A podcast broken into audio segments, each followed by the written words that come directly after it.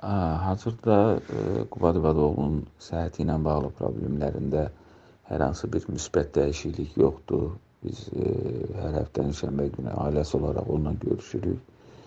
İş arxasından və müəyyən məlumatları alırıq. Demək olar ki, son vaxtlar ümumiyyətlə səhhəti ilə bağlı, tibbi yardımla nəhayət olunması ilə bağlı hər hansı ciddi addımlar atılmır. Yalnız qanın ümumi analizi aparılır. Məsələn, bu yaxınlarda aparılıb. E, gündəlik şəkər yoxlanılır və 3 aylıq orta şəkər göstəricisi yoxlanılır. Və çox təəssüf ki, bu göstəricilər də bizim etibar edəcəyimiz səviyyədə deyil.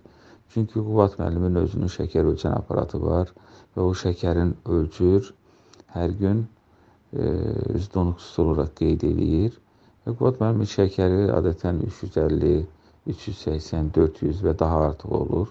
Amma onlar ölçəndə e, deyirlər ki, güya nəticəni deyirlər ki, e, güya 100 neçə olub, 150 olub, güya e, 3 aylıq şəkər e, glikohemoglobin dediyimiz göstərici isə 7.5 olub. Mən bu barədə həkimlərlə də e, məsləhət eləmişəm. Onlar bildiriblər ki, əgər gündəlik şəkər bu qədər yüksəkdirsə, 3 aylıq orta şəkərin o qədər aşağı çıxması mümkün deyil. Yəni bu göstəricilər arasında uyğunsuzluq olduğunu göstərir. Bu da ona dəlalət edir ki, Qubad müəllim e, tibbi göstəriciləri e, Ədliyyə Nazirinin Tibb Baş İdarəsi tərəfindən saxtalaşdırılır. Çünki bu göstəricilər e, Avropa məhkəməsinə təqdim olunur e, və orada Qubad müəllim səhhəti ilə bağlı hər hansı problemin olmadığı qənaətini yaratmağa çalışırlar. Amma unudurlar ki, e, ora təqdim olunan Avropa İnsan Hüquqları Məhkəməsinə təqdim olunan göstəricilər şərh olunmaq üçün bizə göndərilir, həm vəkillərə, həm ailəsinə və biz də öz qeydlərimizi ora yazırıq. Digər məsələlərlə bağlı, ürəklə bağlı ümumiyyətlə son bir neçə ayda heç bir e, müayinə aparılmayıb, yoxlanılmayıb. Təzyiqlə bağlı e, hər hansı bir e, müalicə məqsədi ilə hərəkətlər atılmayıb, addımlar atılmayıb bel ağrıları, ayaq ağrıları əvvəlki qaydada davam edir və mən demişdim ki, bir neçə daha doğrusu ötən ilin sonlarında mən çəlik vermişdim, əsa vermişdim.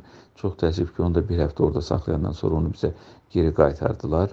Çünki xüsusilə gecələr duranda, qalxanda bir neçə dəfə Qubad müəllim gecələr qalxmalı olur onda o çəlik ona mütləq lazımdır ki, yıxılmasın. Çox təəssüf ki, onu da bizdən qəbul eləmədilər.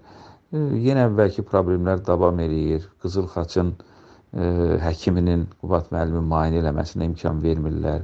Qubad müəllim müayinəsi ilə bağlı sənədləri Qızıl xaçın həkiminə tam şəkildə təqdim eləmirlər, yarımçıq təqdim edirlər.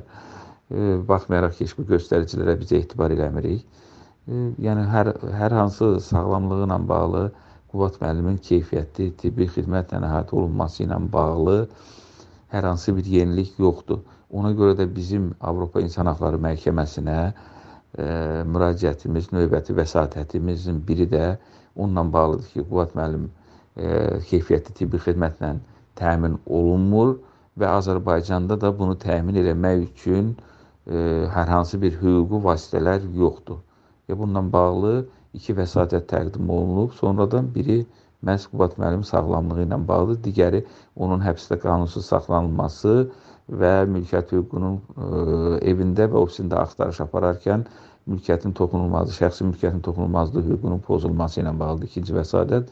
Bu da bilirsiniz ki, Qubad müəllimin e, ofisində axtarış aparılan zaman heç bir məhkəmə qərarı olmadan bu proses həyata keçirilmişdi ki, bu da qanunvericiliyə ziddir.